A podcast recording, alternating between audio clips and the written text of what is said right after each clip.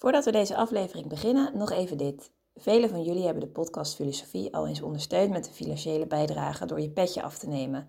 Daar zijn we super blij mee en daarmee draag je ook echt iets bij en maak je onze podcast mede mogelijk. Zo ook Boy en Jan die recentelijk hun petje af hebben genomen. Super veel dank daarvoor. En wil jij ook als trouwe luisteraar ons een steuntje in de rug geven en ervoor zorgen dat we nog lang door kunnen gaan? Kijk dan op petjeaf.com slash podcastfilosofie. Daar vind je alle info en bijdragen kan al vanaf 3 euro per maand. En het biedt ook leuke extra's op, zoals bijvoorbeeld toegang tot onze bonusafleveringen. Maar voor nu, veel plezier met deze aflevering. Het christendom sport aan om weg te geven wat van jezelf is. Het socialisme sport aan om te nemen wat van anderen is. Op deze manier drukte de 19e-eeuwse Russische filosoof Vladimir Solovjov uit dat denken dat alleen gebaseerd is op materialisme, zonder spirituele lading, uiteindelijk tekortschiet. Waarom en hoe probeerde Solovjov materialisme en idealisme te verbinden? Op welke manier was de goddelijke wijsheid de drijvende kracht voor zijn denken?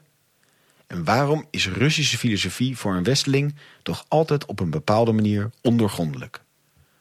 Over deze vragen en nog veel meer gaan we de komende drie kwartier hebben. De gast is Pascal Huiting, de denker die centraal staat, Solovjov.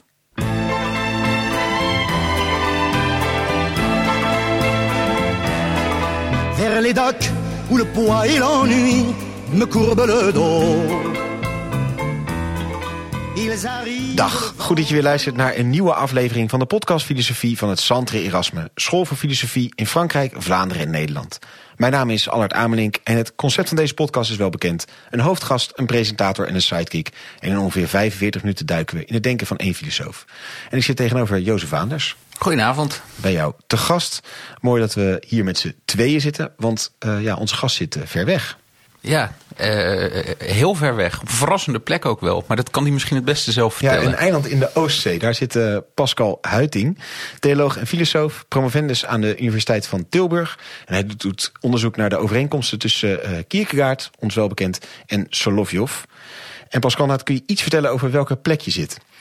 Ja, ik ben op dit moment op het eiland Sarema.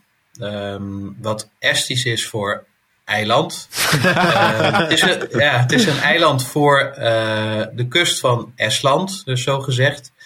Um, misschien wel uh, in een plaats waar Salovjov zelf ooit geweest is. Dus in de hoofdplaats van het eiland ben ik, um, Kuressaare. En hier op dit eiland heb ik een, een tweede huisje waar ik graag ben om te denken en te schrijven. Midden in de natuur, met uh, heel veel wilde dieren en prachtige natuur. Ja, nou, dat klonk inderdaad buitengewoon aanlokkelijk uh, vanuit onze stenige stadsomgeving. Dus dat, dat was hier wel mooi om te horen. En daar hou je inderdaad dus om meer bezig in het uh. Die, um, Vladimir Solovjov die werd geboren in 1853. Hij was een Russisch filosoof, schrijver en dichter. En interessant uh, wetenswaardigheid, hij was een van de beste vrienden van Dostoevsky, de Russische schrijver. En hij overleed uiteindelijk in 1900. Um, ik moet wel eerlijk bekennen, het was een mij vrij onbekende naam. Uh, maar uh, in ons voorgesprek hadden we het net over dat we toch wel Solovjov kunnen beschouwen als een van de belangrijkste en meest invloedrijke Russische filosofen. En Pascal, dat roept natuurlijk twee vragen op. Allereerst, nou, waarom is hij zo invloedrijk? Daar komen we straks op. Maar misschien eerst, waarom is het een relatief onbekende naam in uh, ja, de filosofie-kanon? Veel mensen hebben inderdaad, zeker in, in West-Europa, nog nooit van Vladimir Sergeyevich Solovjov en zijn werk gehoord. Um, dat heeft natuurlijk iets te maken met de Sovjet-tijd, hè, die uh, tussen zijn leven en uh, onze levens in ligt. Um, het bestuderen van het werk van Solovjov uh, was in de Sovjet-tijd sterk verboden. In een van zijn werken um, geeft Solovjov een vrij harde kritiek van het socialisme. En dat was natuurlijk niet gewenst in de Sovjet-Unie. Dus op last van Lenin zelf uh, werd het bestuderen van zijn werken verboden. Um, Solovjov deelde dus niet um, in de eer die heel veel grote Russische schrijvers, hè, de echte schrijvers van Russische literatuur, zelfs in de Sovjet-tijd uh, wel uh, ten beurt viel. Dat was voor hem niet weggelegd, omdat zijn denken als gevaarlijk werd gezien. Ja, als je enigszins geïnteresseerd bent in Russische cultuur, in Russische literatuur, zou alleen al het feit dat uh, een van de beste vrienden van Dostoevsky was en dat er over en weer hè, veel beïnvloeding was hè, op elkaars werk, zou alleen eigenlijk al een reden moeten zijn om geïnteresseerd te zijn in, uh, in deze man en zijn werk. Um, daarnaast uh, is het een, een denker, uh, een Russische denker, die ook ons in West-Europa veel te zeggen heeft. En zeker ook tegen de achtergrond van het nieuws van de laatste dagen. Top. Hey, en, en Pascal, als je naar, het, uh, naar die inhoud van zijn denken kijkt, nou, en mooi dat, dat hij door de, zijn vriendschap een, uh, een boeiend figuur is. Maar als je kijkt naar zijn denken, wat, wat, wat is een, een belangrijk element in zijn filosofisch project, als we het zo mogen noemen? Ja, voor Solovjov staat het uh, verbinden, het, ja, het, verbinden, het verenigen van materialisme en idealisme centraal. Um, hij gebruikt daarvoor zelf een heel, heel aardig uh, begrip, adougetwarenie, materie. Um, in het Russisch is oftewel de, de in het Engels spiritualization of matter, dus de vergeestelijking van de materie. Um, voor hem is het, is het heel belangrijk uh, dat het materiële niet zonder het spirituele bestaat en vice versa. Um, dat, klinkt, dat klinkt vrij abstract, maar we komen daar nog wel over te spreken. Is voor Solovjov echt de kern van zijn eigen denken. Ja, het verbinden van materie en geest. En, en hoe zet hij dat neer inderdaad? Want waarom komt hij op dit project zeg maar uit en, en heeft hij het idee dat hij hier wat mee moet doen? Ja, het is een heel, heel groot project. Hè, wat uit, en, en waar hij op uitkomt, dat wordt uiteindelijk zichtbaar. Hè, als je uh, zijn hele werk, hè, dus zijn totale oeuvre, als een soort mozaïek zou uitleggen. Hè, dan, dan wordt zichtbaar hè, hoe, uh, hoe hij dat heeft uitgewerkt. Um, het, het heeft iets te maken, maar dat is mijn persoonlijke interpretatie um, een paar jaar studie van zijn werk. Het heeft iets te maken met zijn eigen um, persoonlijke ontwikkelingsgang. Um, die begon in een heel uh, vroom uh, Russisch-orthodox gezin. De opa van uh, Solovjov was priester, een aanzienlijke priester in Moskou. toen Solovjov nog een heel jong ventje was, werd hij door zijn opa op een dag meegenomen achter de iconostase. Dat is een hele bijzondere plek. Dat is een plek waar je in de Russische orthodoxie echt niet zomaar mag komen. Hij werd meegenomen naar het altaar en zijn opa zegende hem daarvoor uh, de dingen van, van God, dus het werk van God. Heeft veel indruk gemaakt op de jonge Solovjov, die ook uh, door zijn vader en moeder al wel heel religieus werd opgevoed. Zijn vader was historicus en schreef een van de meest bekende um, werken van het 19e eeuwse Rusland uh, over de geschiedenis uh, van het Russische keizerrijk. Um, voor zijn vader was ook het christelijke karakter van het Russische keizerrijk uh, van fundamenteel belang. Um, dus van jongs af aan hè, werd, werd, werd Solovjov op een, uh, een, behoorlijk sterke religieuze manier gevoed. Ja, dus daar zit eigenlijk al wel die, die spirituele kant van de materie, die, die wordt daar Zonder in principe gevoed, ja. zeg maar. Ja, je ziet, um, hij was vroeg, vroeg rijp. Um, ik geloof ergens rond zijn veertiende jaar kreeg hij uh, dus als heel, heel religieus uh, Russisch-orthodox jongetje een boek te pakken van Ludwig Büchner. Kraft und Stof heette dat. Het was een, een zeer materialistisch boek. Dus het was precies het tegenovergestelde van alles uh, waarmee Salovjov tot dan toe was opgegroeid. Dus een totale ontkenning van, uh, van het hele geestelijke domein. En alles werd teruggebracht tot uh, strikt materie, tastbare dingen, historische processen. Anders was er helemaal niets. En um, Waarom het precies gebeurde, weet ik niet. Maar Solovjov werd door dat boek, Kraft und Stof, zo enorm gegrepen. En door heel veel andere materialistische werken later zo, zo intens gegrepen. Dat hij radicaal afstand nam van zijn religieuze afgrond. achtergrond. hij, uh, gooide de, hij gooide de iconen in, uh, bij het vuil. Het is een van de ergste dingen die je als orthodox gelovige kunt doen. Dus heilige gewijde iconen bij, uh, bij het vuil gooien, maar dat deed hij. En hij nam radicaal afstand van, van zijn hele religieuze achtergrond. En toen was hij 14, Pascal, hij... zei je dat nou net? Ja, ja, ja. Okay. Hij was, er, hij was er jong bij. Wat jij deed toen je 14 hij was. Er, ja, hij was er erg jong bij. Ja. Ik was met de hele Wat andere dingen bezig. Ja, hij was er heel erg jong bij. Het was een vroeg, vroeg rijpe denker. Wel onvoorstelbaar. Ja. ja. Maar in, wel in een heel serieus milieu ook opgegroeid. In een heel academisch milieu ook opgegroeid. Maar het moest allemaal radicaal weg. En um, hij heeft daar een paar jaar lang uh, heel sterk ingezeten in die materialistische fase. Tot hij uiteindelijk uh, Spinoza ging lezen. Voor hem een zeer uh, belangrijke denker. En een denker die hij ook tot het einde toe met hand en tand heeft verdedigd. Onder andere tegenover uh. Die kritiek had op het godsbegrip van Spinoza. En Spinoza bracht hem weer meer op het spoor van het geestelijke. Van het idealistische, dus het geestelijke domein. En, en dus hij, zijn, daarna.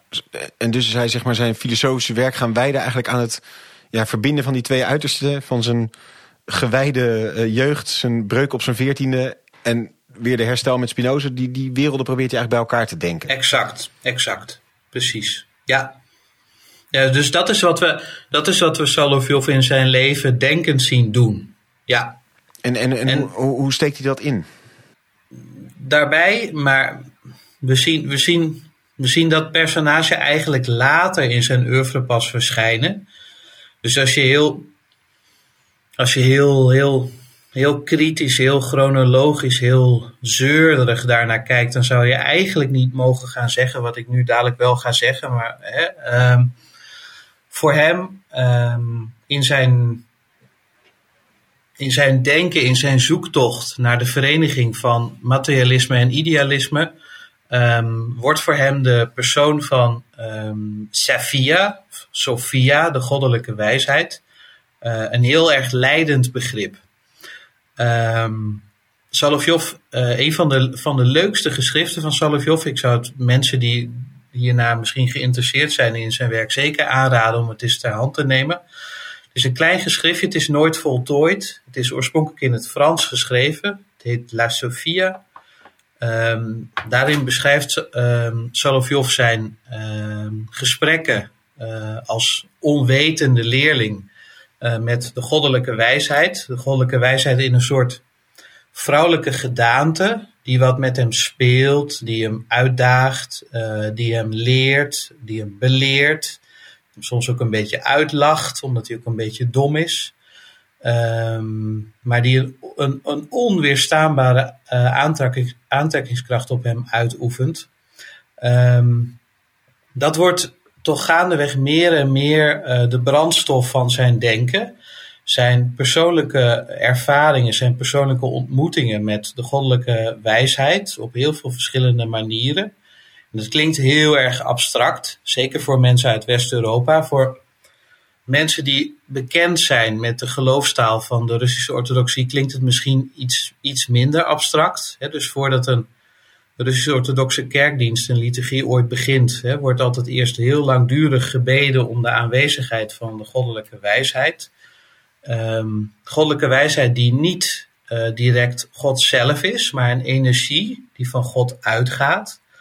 Um, goddelijke wijsheid die ook een echt een vrouwelijke vorm aan kan nemen. Dat is op zich ook allemaal niet zo heel erg, heel erg opzienbarend of, of spannend. Maar die is wel heel religieus van aard is. Ja en nee. Dus tegelijk heel geestelijk, maar ook heel materieel.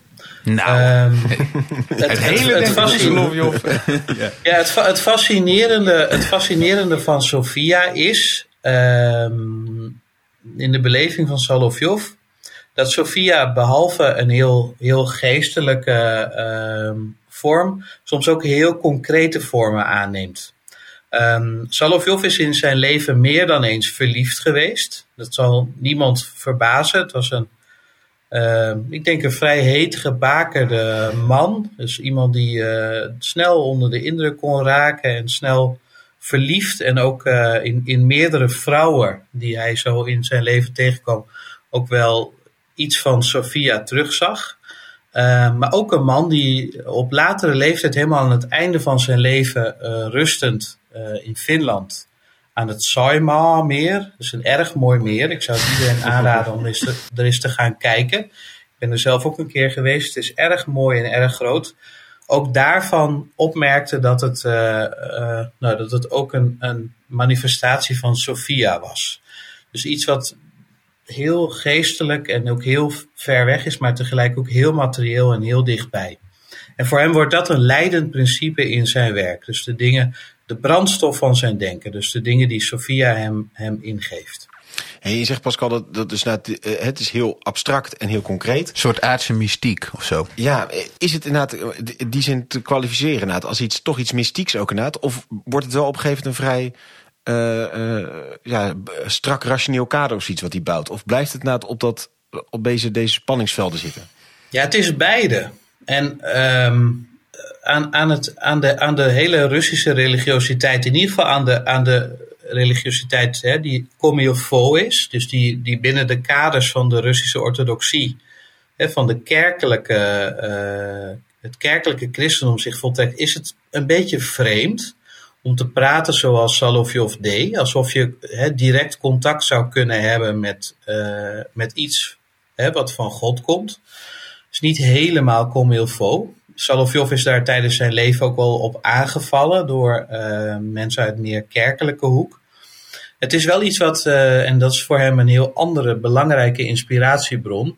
Uh, Jacob Beume, is een Duitse mysticus, ja, aan het begin van de Reformatie. En schoenmaker. Op een bepaald moment, en schoenmaker, inderdaad. Ja, die is Als je het over iets heel moment, concreets en geestelijks hebt. Hè? Exact, ja, exact. Die is op een bepaald moment helemaal aangesproken voelde, ook door de goddelijke wijsheid hè, is voor, voor Solovjov een belangrijke inspiratiebron geworden. Um, het, eh, ik zou het als volgt verwoorden. Een, een, denken wat, een denken dat wordt gevoed door mystieke ervaringen, maar dat in zichzelf niet, niet mystiek is. Nee. Nee. Maar gewoon ja, in, in, in normale filosofische termen, vaak ontleend of vaak gebaseerd op of geïnspireerd door het werk van Schelling hè, zich voltrekt. Ja. kan je inderdaad, want dit is, dit is een interessante, om even op aan te haken. Dus, dus uh, Schelling ziet volgens mij de geest heel erg als voortkomend uit de uh, materie. Hè? Hoe, hoe, hoe, hoe ziet uh, die verhouding? Hoe verhouden geest en materie zich tot elkaar? Als, als, het wordt op een of andere manier bij elkaar gedacht, maar daarmee is natuurlijk nog niet gezegd wat de verhouding is. Of hè, de, de, uh, nou ja, eh, dat. Gewoon de manier waarop ze zich uh, tot elkaar verhouden. Mm. Ja, Salovjov denkt um, in lijn met Schelling en Hegel, maar ook weer niet. Want hij zet zich er ook graag tegen af. Het is een hele interessante parallel met, met Kierkegaard trouwens. Een beetje die wonderlijke relatie die ze allebei hebben tot Schelling en, en Hegel. Um, Salovjov denkt uiteindelijk in zijn um, hè, zijn voorlezingen over de godmenselijkheid. Een, um, een mensheid die zich um, doorheen de geschiedenis, door alle fasen van de geschiedenis en in alle materialiteit ontwikkelt naar het voorbeeld van uh, Christus, de godmens. De eerste en, en enige, die helemaal beantwoordt aan het goddelijke ideaal. Um, en hij brengt in, in dat werk, het is zo'n belangrijk werk, het, is een, uh, het waren eigenlijk ook dus ook echte voorlezingen, colleges. Die zijn bijgewoond uh, eenmalig door uh, Tolstoy en uh, meerdere malen door Dostoevsky. Het is ook de enige keer in de hele geschiedenis van Rusland en van de Russische literatuur dat Tolstoy en Dostoevsky zich op hetzelfde moment op dezelfde plaats bevonden hebben. Um, door vrienden zijn ze wel uit elkaar gehouden, omdat ze dat verstandiger leek. Ze niet met elkaar in contact zouden komen. Maar een, um, een reeks van colleges waarin hij de hele ontwikkeling van de mensheid en vooral ook de religieuze en filosofische ontwikkeling denkt als een, een opgang tot het koninkrijk Gods. Ehm, waarin ehm, door het steeds verder ehm, integreren, transformeren en tot eenheid komen van, van, van de mensheid en van de hele schepping, geest en materie eh, eigenlijk ja, samenvloeien. Dus een, een, in, in die zin eigenlijk zou je kunnen zeggen ook een soort procesdenker, avant la lettre. Dus het hele, hele proces van het samenkomen van materie en geest is nog altijd niet afgerond. En op welke manier zag hij dat dan uh, gebeuren in de geschiedenis? Had hij, noemde hij daar dan vervolgens nou dus hele concrete denk- of historische momenten in? Jazeker. Um, ja, dus de hele, hele ontwikkeling van de mensheid naar het christendom toe. Hè, waarin, en we zijn natuurlijk in de 19e eeuw. Hè, dus als, kijk, uh, met onze blik van nu, hè, vanuit onze moderne godsdienstwetenschappen, zouden we dat allemaal misschien heel anders beoordelen. Maar we zijn, in, we zijn natuurlijk in de 19e eeuw. Um, denkt de hele geschiedenis van het menselijk denken en geloven hè, tot aan uh, uh, de, de, incarnatie hè, van, van God in Christus. Um, als een soort opgaande lijn hè, waarin, waarin mensen, God en schepping steeds weer met elkaar verbonden raken. Uh, op basis van uh, vrije wil, dus de vrije instemming hè, met wat, uh, wat God vraagt en wat mensen ook uit vrije wil aan hem willen geven. Um, en, en idealiter, dus de, de hele, de echte totale um, vergeestelijking van de materie wordt bereikt eigenlijk op het moment dat de hele mensheid, dus en, en ieder voor zich individueel uit vrije wil, dezelfde weg gaat hè, die Jezus is gegaan. In gehoorzaamheid aan de Vader, hè, dus aan God. Um, dus door, door dat voorbeeld te volgen, dat is wat het Koninkrijk van God dan uiteindelijk zal, hè, zal vestigen, zal brengen volgens Salovjov. Maar uh, hij leeft in, in de tweede helft van de 19e eeuw, uh, tijd van, ik noem een Nietzsche. Um, mm-hmm. uh, was hij niet bekend met die ideeën of zag hij dat ook als yes. allemaal onderdeel van een toenemende samensmelting? Het is een beetje een soort ja, religieuze kitsch kan het ook een beetje zijn. Van, oh, we bewegen allemaal richting uh, een goddelijke ja, ja, eenheid zeker. toe... waarin we allemaal steeds... En hoe meer we denken, hoe goddelijker we worden, zeg maar. Het, het, ja. ja. Het zou erg leuk zijn. Ik zou je zeker aanraden om de voorlezing over de godmenselijkheid te lezen. Ook om, om te genieten van de humor en de ironie van Salovjov. Salovjov was, was heel goed bekend met het uh, denken van alle uh, critici van religie in zijn tijd. En um, hij gaf alle critici van religie ruimhartig gelijk. Ja, gelijk, je vertelde net, hij was bevriend met Dostoevsky. dan kom je ook behoorlijk wat, dan kom je ook behoorlijk wat religiekritiek tegen. Het kan, weet je, daar heb je dan toe te verhouden, zeg maar. Ja, ja dus kijk, als Salovjov vanavond bij ons zou zijn, dan zou hij zeggen: Nietzsche heeft gelijk. Het is allemaal waar, ze hebben allemaal gelijk. Maar ze hebben gelijk, ze hebben gelijk, omdat in onze Russische samenleving, maar ook in de westerse samenlevingen, die die ook redelijk kenden, um, religie niet is wat het zou moeten zijn. Dus religie verstaan, hè, volgens uh, is niet uh, een um, set aan persoonlijke overtuigingen, dingen die jij voor waar houdt en die iemand anders misschien niet voor waar houdt. Maar het is het samenbindende, verenigende, transformerende principe van de hele werkelijkheid. Dus het is datgene waar iedereen zich uit vrije wil, vanuit zichzelf, uh, aan overgeeft. Um, en, en wat vervolgens ook daadwerkelijk gemeenschap sticht en transformerend werkt hè, op, de, op de hele um, realiteit. En dus precies niet, niet wat religie uh, in de dagen van Salovjov en in onze dagen eigenlijk nog steeds uh, gewoon is. De een gelooft dit, de ander gelooft dat. Het ene moment is dit uh, in de mode, het andere moment is dat in de mode. En dat is precies niet hoe hij het verstaat.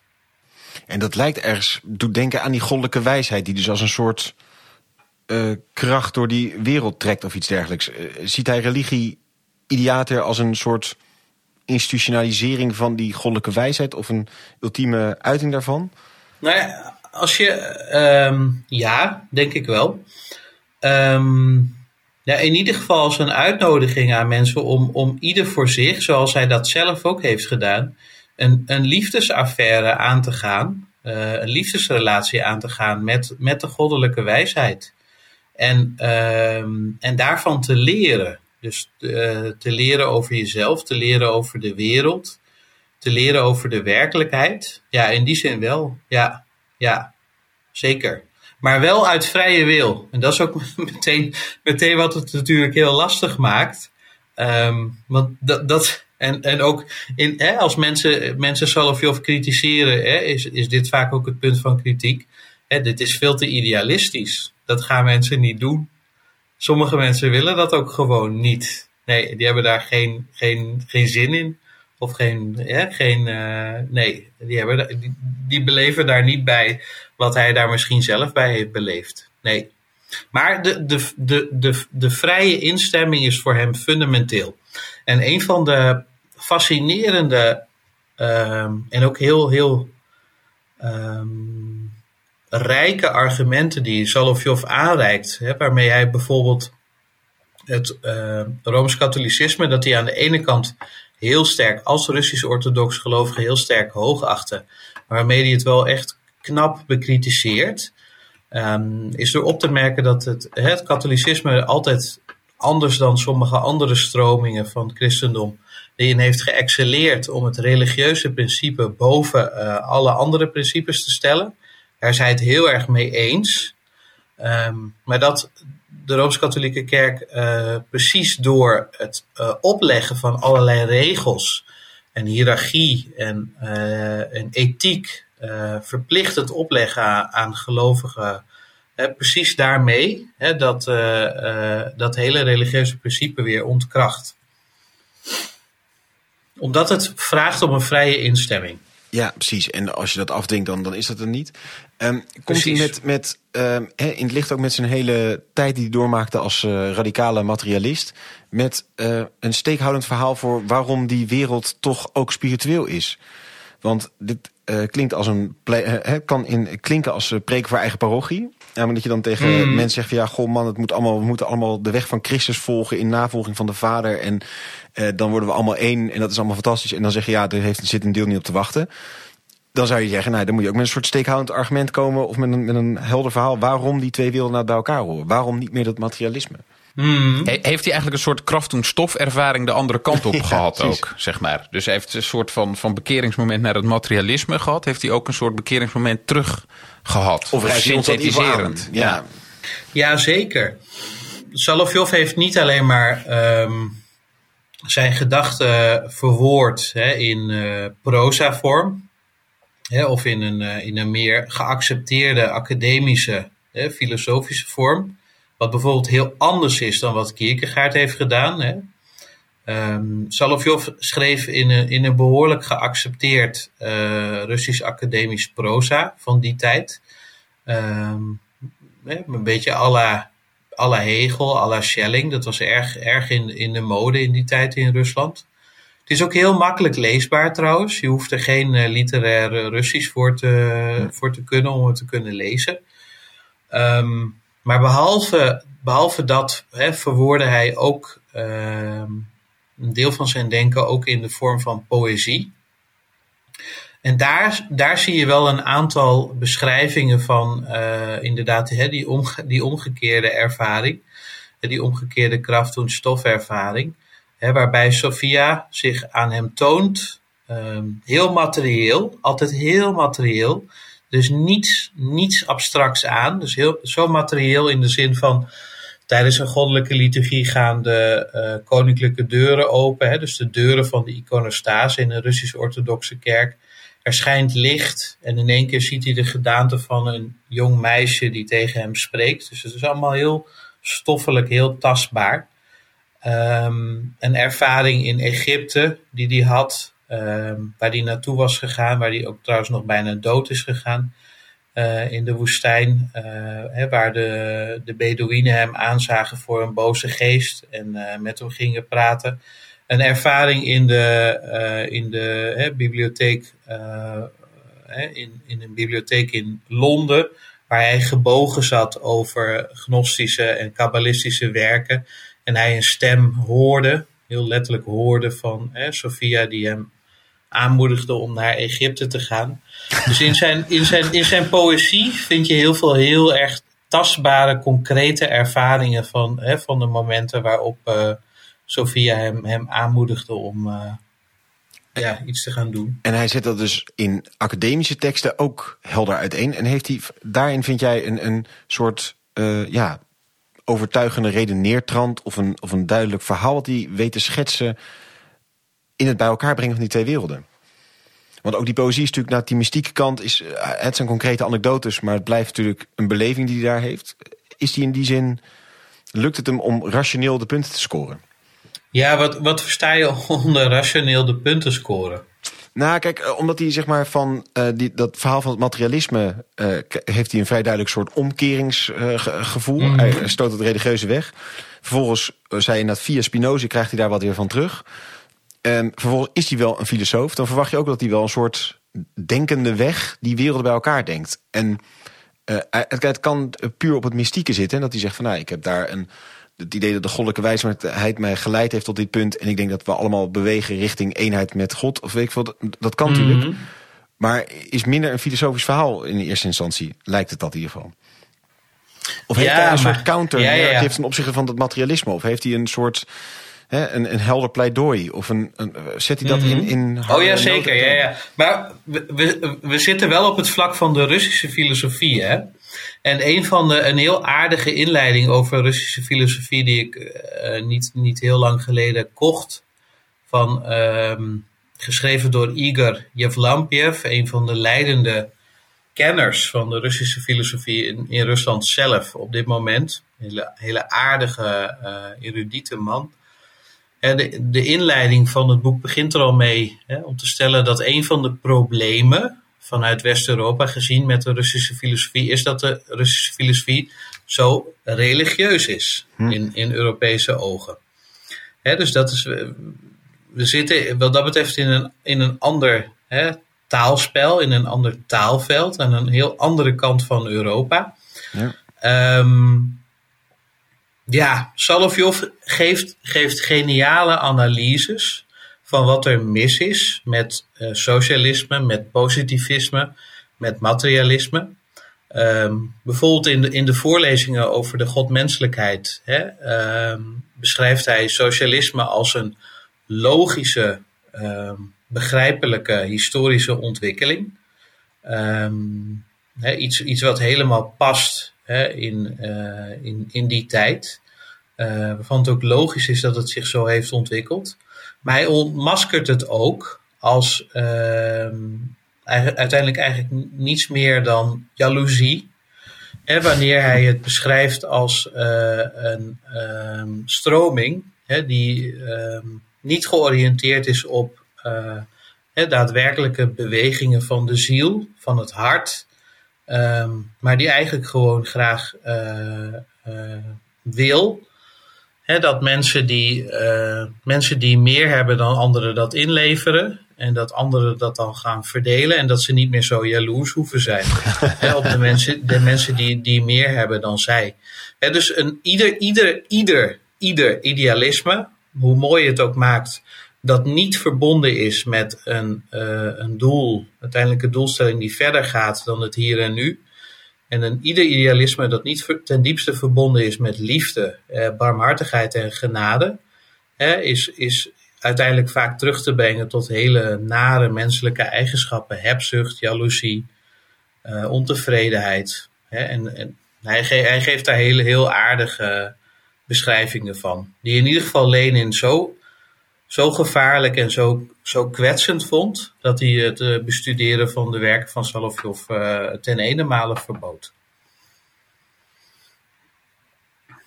En dat, in zekere zin zou je dus kunnen zeggen, um, dat, eh, in antwoord op jouw vraag, mensen die zich dat afvragen, zou ik, zou ik een, een exemplaar van de voorlezing over, godmenselijkheid in, over de godmenselijkheid in handen geven. En dan zou ik zeggen, lees Lees Solovjovs passages over positivisme en socialisme. En lees ze dan, want Solovjov is ergens te aardig, te sympathiek om heel hard uh, zijn tegenstanders te bestrijden. Dat doet hij niet, daar houdt hij niet van. Maar wat hij wel doet, is op een hele ironische manier uh, iedere vorm van materialisme uh, zonder verbondenheid, zonder een, een materialiteit en materialisme die niet verbonden is met enig geestelijk of spiritueel principe, keihard kritiseren. Keihard kritiseren. Ja. Maar altijd op een heel, heel waardige, vriendelijke manier. En on, ontmaskeren ook, eigenlijk. Dus dat, dat, dat zou hebben, uiteindelijk zou Salovjov dat denk, ik, dat denk ik zelf ook zeggen. Dus iedere vorm van materialisme of, of denken in, in materialiteit, denken in, in enkel het tastbare, het ervaarbare, zonder een, een dieper liggende uh, spirituele laag, um, ja, daarbij stuit je, stuit je uiteindelijk alleen maar op alle nare kanten die, die mensen hebben. Ja. En nou, nou is er, heb je in Rusland natuurlijk ook dat, dat enorme intellectuele debat gehad tussen de, de slavofielen en de meer op het westen gerichte uh, denkers. Hè? Een enorme richtingstrijd van welke kant moet Rusland op. Uh, heeft hij daar nog een rol in gespeeld? Want klinkt, zo klinkt het wel een beetje. Ja, ja zeker. zeker. Dus ook het, in verband met het, het, het, het nieuws over de, de gang van zaken in de Oekraïne. Nu, mhm. de heel erg lange toespraak hè, die president Poetin gehouden heeft hè, voor, op de Russische televisie. Mhm. Die de hele Russische geschiedenis uiteenzet. Ook geïnformeerd door zijn eigen keuze uh, voor heel bepaalde uh, Russische filosofen. -hmm. En zeker niet voor Salovjov, want dan had hij een heel andere toespraak gehouden. Um, um, hè, tegen, tegen die achtergrond. Uh, ja, Salovjov was ook betrokken bij het grote debat tussen de Slavofielen en de Westerlingen, hè, zo gezegd. Um, een heel bekende slavofiele denker is bijvoorbeeld hè, Danilevski. Heel bekende, maar meer literaire vertolker van het uh, hè, standpunt van de Westerling is natuurlijk Turgenev. En Dostoevsky zat ook wel een beetje aan de slavofiele kant natuurlijk. Hè? Ja, ja, ja, ja, ho ja. Hoewel ik vind dat je in, in alle nuances daar ook wel andere dingen over kunt zeggen. Mm -hmm. um, en misschien, misschien dat er straks nog heel kort even de tijd is om daar iets over te zeggen. Mm -hmm. um, maar ik ben vooral benieuwd waar Solovjev precies en, Ja, belangrijk, belangrijk debat ook voor Solovjov. In zijn jongere jaren stond hij zeker meer aan de slavofiele kant. Natuurlijk door zijn, zijn vader ook. Hè, uh, en de hele geschiedenis van Rusland als het, het laatste en het meest oostelijke bolwerk hè, van het christendom. Sterk bolwerk en dat zich moest handhaven in een verder vijandige, of in ieder geval christendom vijandige omgeving. Um, heeft, heeft hem sterk gevormd, dat denken. Um, uiteindelijk is Salovjov ook heel sterk de denker geworden. En dat is denk ik wat hem nog altijd ongemakkelijk maakt. Um, in, ja, in, in ieder geval in de, in ieder geval in de meer conservatieve kringen van de Russische orthodoxie, is het uiteindelijk een heel groot pleitbezorger geworden van uh, ecumene. Hm. Dus van de uh, totale, totale vereniging van uh, het Oosterse en het Westerse. Uh, dus eigenlijk alles wat we de afgelopen dagen hebben gezien hè, in het nieuws over hè, wat er gaande is in de Oekraïne. De hele, de hele toespraak van president Poetin. Ja, het, precies het omgekeerde hè, van wat de, de, man heeft gezegd, zou zijn wat Salovjov zou zeggen. En, en past dat dan, ehm, Pascal, um, in, zijn, in, in zijn lijn met van dat uh, alles toewerkt naar dat ene punt met, van, van precies, eenheid met ja. God? Ja, dat is ja. dus van we moeten dat westerse en oosterse schisma moeten we overkomen. Precies. Want dan bewegen we die kant op. Precies, ja. Salovjov zag dus als. Uh, um, in, hij schreef. Hij moest dat in het Frans schrijven, want het was zo ontzettend controversieel dat dat in, in Rusland niet kon worden uitgegeven. Dus hij heeft een uh, heel aardig werk over geschreven, L'Église Universelle. Um, er is ook wel een beetje misbruik van hem gemaakt, uh, vanuit de katholieke wereld vooral, dus vanuit de hoek van de, van de Jezuïeten. Um, heeft een tijd in Parijs verbleven en uh, is een beetje voor, nou, ze hebben een beetje voor hun eigen doeleinden een beetje een soort preken voor eigen parochie werd dat. Dus dat was helemaal niet wat Salovjov bedoelde. Salovjov vond de sterke kant van het Oosterse christendom de nadruk op de mystiek, uh, het ondoorgrondelijke, um, het, dat, dat, precies hetgene dat zich niet laat bevatten, dat zich niet goed in woorden laat uitdrukken. En ook de nadruk op uh, het verenigen van het materiële en het spirituele. Dus daarin vond mhm. hij de Oosterse traditie veel sterker hè, dan de Westerse traditie. Met onze Descartes, hè, die natuurlijk voorgoed een scheiding heeft gemaakt tussen, tussen allerlei domeinen. Dat dualisme, daar zitten wij nog steeds mee opgescheept in, uh, in ons westerse denken. En het uh, westerse christendom, uh, dat altijd heel sterk is geweest in het actief zijn. in het stichten van ziekenhuizen, scholen, missies. onder de mensen zijn. In het er daadwerkelijk doordezemen van samenlevingen met christelijke waarden, christelijke principes. Dat is precies de ene meer zachte, uh, mystieke Oosterse kant. Hè, en dat activistische Westerse, hè, dat wilde hij heel graag. Uh, en aan het einde van zijn leven werd dat voor hem steeds pregnanter. Wilde hij ook heel erg graag geïntegreerd zien. Dus het is ook een, in die zin, een, voordat het hele woord ecumene eigenlijk ooit werd gezegd. En voordat er überhaupt ooit een ecumenische beweging was was, was hij daar al mee bezig. En uh, zag hij dat ook als een, een oplossing voor heel veel problematiek in Europa, heel veel problematiek in de wereld. Um, de vereniging van, van Oosters en Westers denken. En de vereniging van Oosters en Westers christendom. Ja.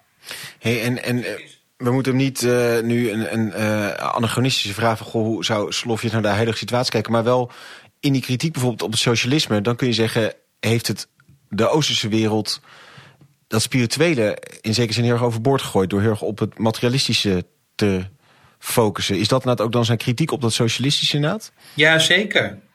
Ik denk wel... Kijk, ik denk wel, dat is wel, dit is een hele fascinerende vraag. En ik denk ook wel, uh, en dat, dat is iets wat wij ons mogen aantrekken. Ik, ik vind, ik ken Rusland goed, ik ken er heel veel mensen.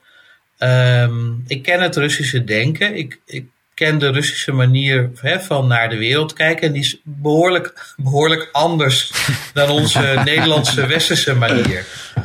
maar wanneer ook in, in de afgelopen toespraak, die, uh, of in, in de aanloop daarna, die, die Poetin gehouden heeft over Oekraïne. Wanneer Poetin zegt in West-Europa willen jullie een totaal nieuwe wereld. Helemaal gebaseerd op, op nieuwe normen. Dus alles wat eeuwenlang normaal is geweest, um, is allemaal niet meer belangrijk. dus je wil, een, je wil een samenleving die alleen maar, alleen maar gebaseerd is op, op het materiële.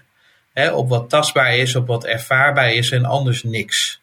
Um, en Poetin zegt dan, in de Sovjet-Unie hebben we dat gedaan. En kijk eens wat het ons gebracht heeft dat, is, dat, is, dat, is, dat is zonder meer iets, dat is zonder meer iets wat Salovjov met hem eens, wat, wat, wat met hem eens zou zijn. Dus als je alleen maar focust op het, op het materiële, op het tastbare, op het ervaarbare en je laat alle uh, spirituele, geestelijke uh, principes, en die hoeven bij Salovjov zeker niet traditioneel te zijn, want daar had hij niet zoveel mee. En maar je laat alle, hè, dus de, de dingen van nou, barmhartigheid, uh, genade, uh, een bepaalde mystieke gehechtheid aan dat wat je niet kunt zien, maar waarvan je wel vermoedt dat het er is. Je laat het allemaal weg. Dan krijg je echt een heel, heel erg armoedige samenleving. Ja, en daarin is de, is de Sovjet-Unie ons al lang voorgegaan. Dat is een, dat is een, een heilloze weg. Dat, dat, zou, dat is het enige punt waarop ze het met elkaar uh, eens zouden zijn. helder. Hey, dankjewel Pascal voor een uh, buitengewoon interessante uitleg over uh, Solovjov. Uh, Solovjov, ja, nou, ik ga het niet proberen op zijn Russisch. Gozer. Ja, nee, jammer, helaas. Uh, bij Kierkaart hebben we het ook in het midden gelaten uiteindelijk. Um, uh, een, een Russische denker, en we hebben denk ik gezien dat hoe anders Russisch denken is.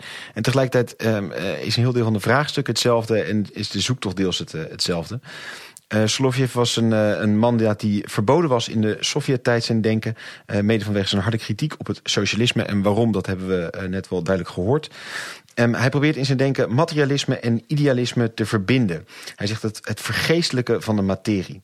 En dat heeft deels met zijn eigen persoonlijke levenstocht te maken. Hij groeide op in een heel vroom gezin, zeer religieus. zijn opa was priester, zijn vader historicus. En uh, ja, dat hele christelijke karakter de, ja, doordringt zijn jeugd. Maar op zijn veertiende komt hij plotseling in contact met het materialistisch denken. En uh, ja, letterlijk zet hij de, de iconen bij het grofvel. Uh, een, een grote aanslag. En zit hij volledig in het materialistische kant. De pendule slaat de andere kant op. En via Spinoza, die tot het einde van zijn leven een grote held voor hem blijft, voor hem blijft komt hij een beetje ja, in een soort tussenpositie. en probeert hij die twee werelden dus te combineren de, het leidende principe, het, hetgene, de brandstof van zijn denken is uh, ja, Sophia, de, de, de goddelijke wijsheid. Um, een bekend gegeven uit de Russische uh, religieuze liturgie. Dus in die zin voor Russen een bekender begrip. Um, en een vrouwelijke gedaante die echt in concrete zin gesprekken eigenlijk met hem aangaat. Zo schrijft hij het in werken. Een gedaante wat enerzijds geestelijk is, maar ook een heel materieel iets. Hij vertelt daar hele concrete ervaringen met het ontmoeten met de, uh, van de wijsheid. Um, moet je nou dit alles eigenlijk dus heel mystiek vatten, vroegen we ons af. Uh, ja, het wordt gevoed door mystieke ervaringen.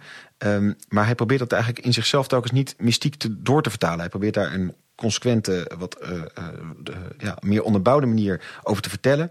Het blijkt ook wel uit de manier waarin hij schrijft. Hij schrijft zowel poëzie, wat meer over die mystiekere ervaringen zit... die tegelijkertijd altijd een hele materiële basis hebben, concrete anekdotes...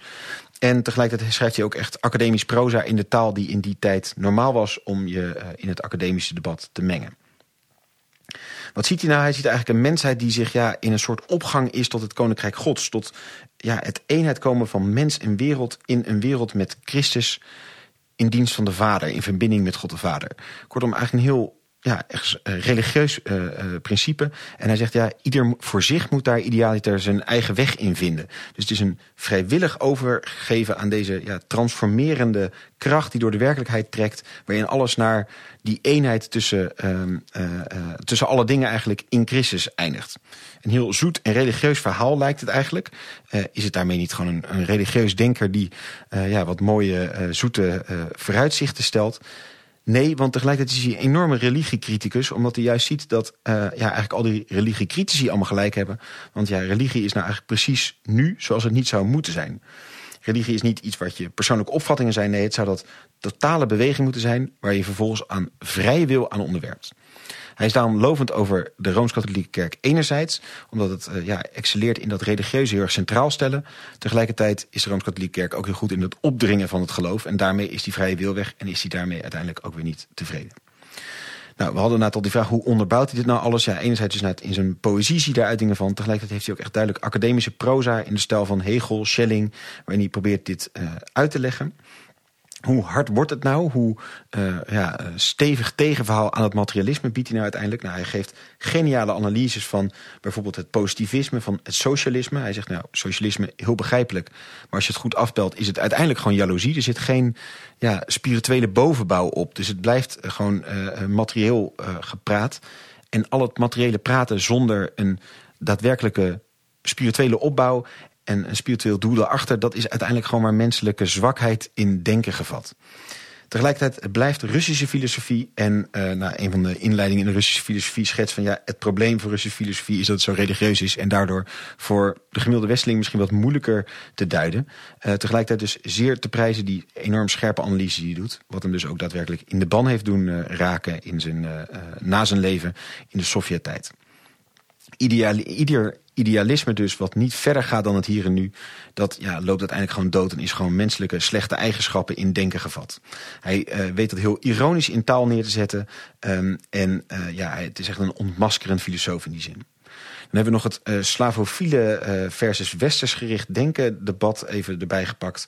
Ehm, was hij nou een slavofiel? Nou, zo begon hij wel. Uh, van heel erg ook de gedachte die zijn uh, opa en zijn vader hem meegaven. Uh, zijn vader die zei van ja, Rusland is eigenlijk het laatste baken van christendom als je naar het oosten trekt. Maar hij wordt juist een enorme pleitbezorger van het verbinden van het oosterse en het westerse. Het neerzetten van de universele kerk. Hij zegt het oosterse is goed in de mystiek, in het ondergrondelijke, in het verenigen van het materiële en spirituele. Terwijl de kracht van het westerse christendom en het westerse denken is juist dat het heel erg actief is. Uh, missies, scholen, ziekenhuizen. Kortom, die christelijke waarden echt vertolken en neerzetten in de samenleving en in de tastbare wereld. Um, dan hebben we nog even de realiteit, de dagelijkse actualiteit erbij gepakt natuurlijk inderdaad. Ja, Rusland is dus echt anders in dat denken. Russische denkers zijn echt anders. Um, we gaan hem niet uh, in een fictief debat met Poetin laten komen. Maar dat de Sovjet-Unie een poging eigenlijk is om ja, Rusland minder Russisch te maken. En het puur op het materialistisch te gooien. Dat is duidelijk. En dat dat ook gefaald is, is ook duidelijk.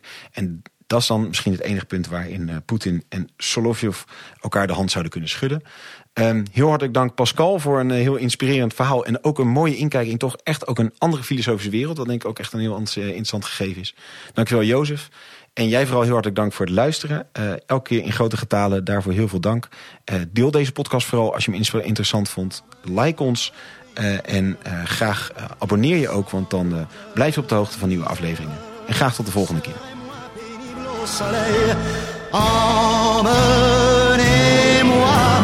Bout de la terre. Emmenez-moi au pays des merveilles. Il me semble que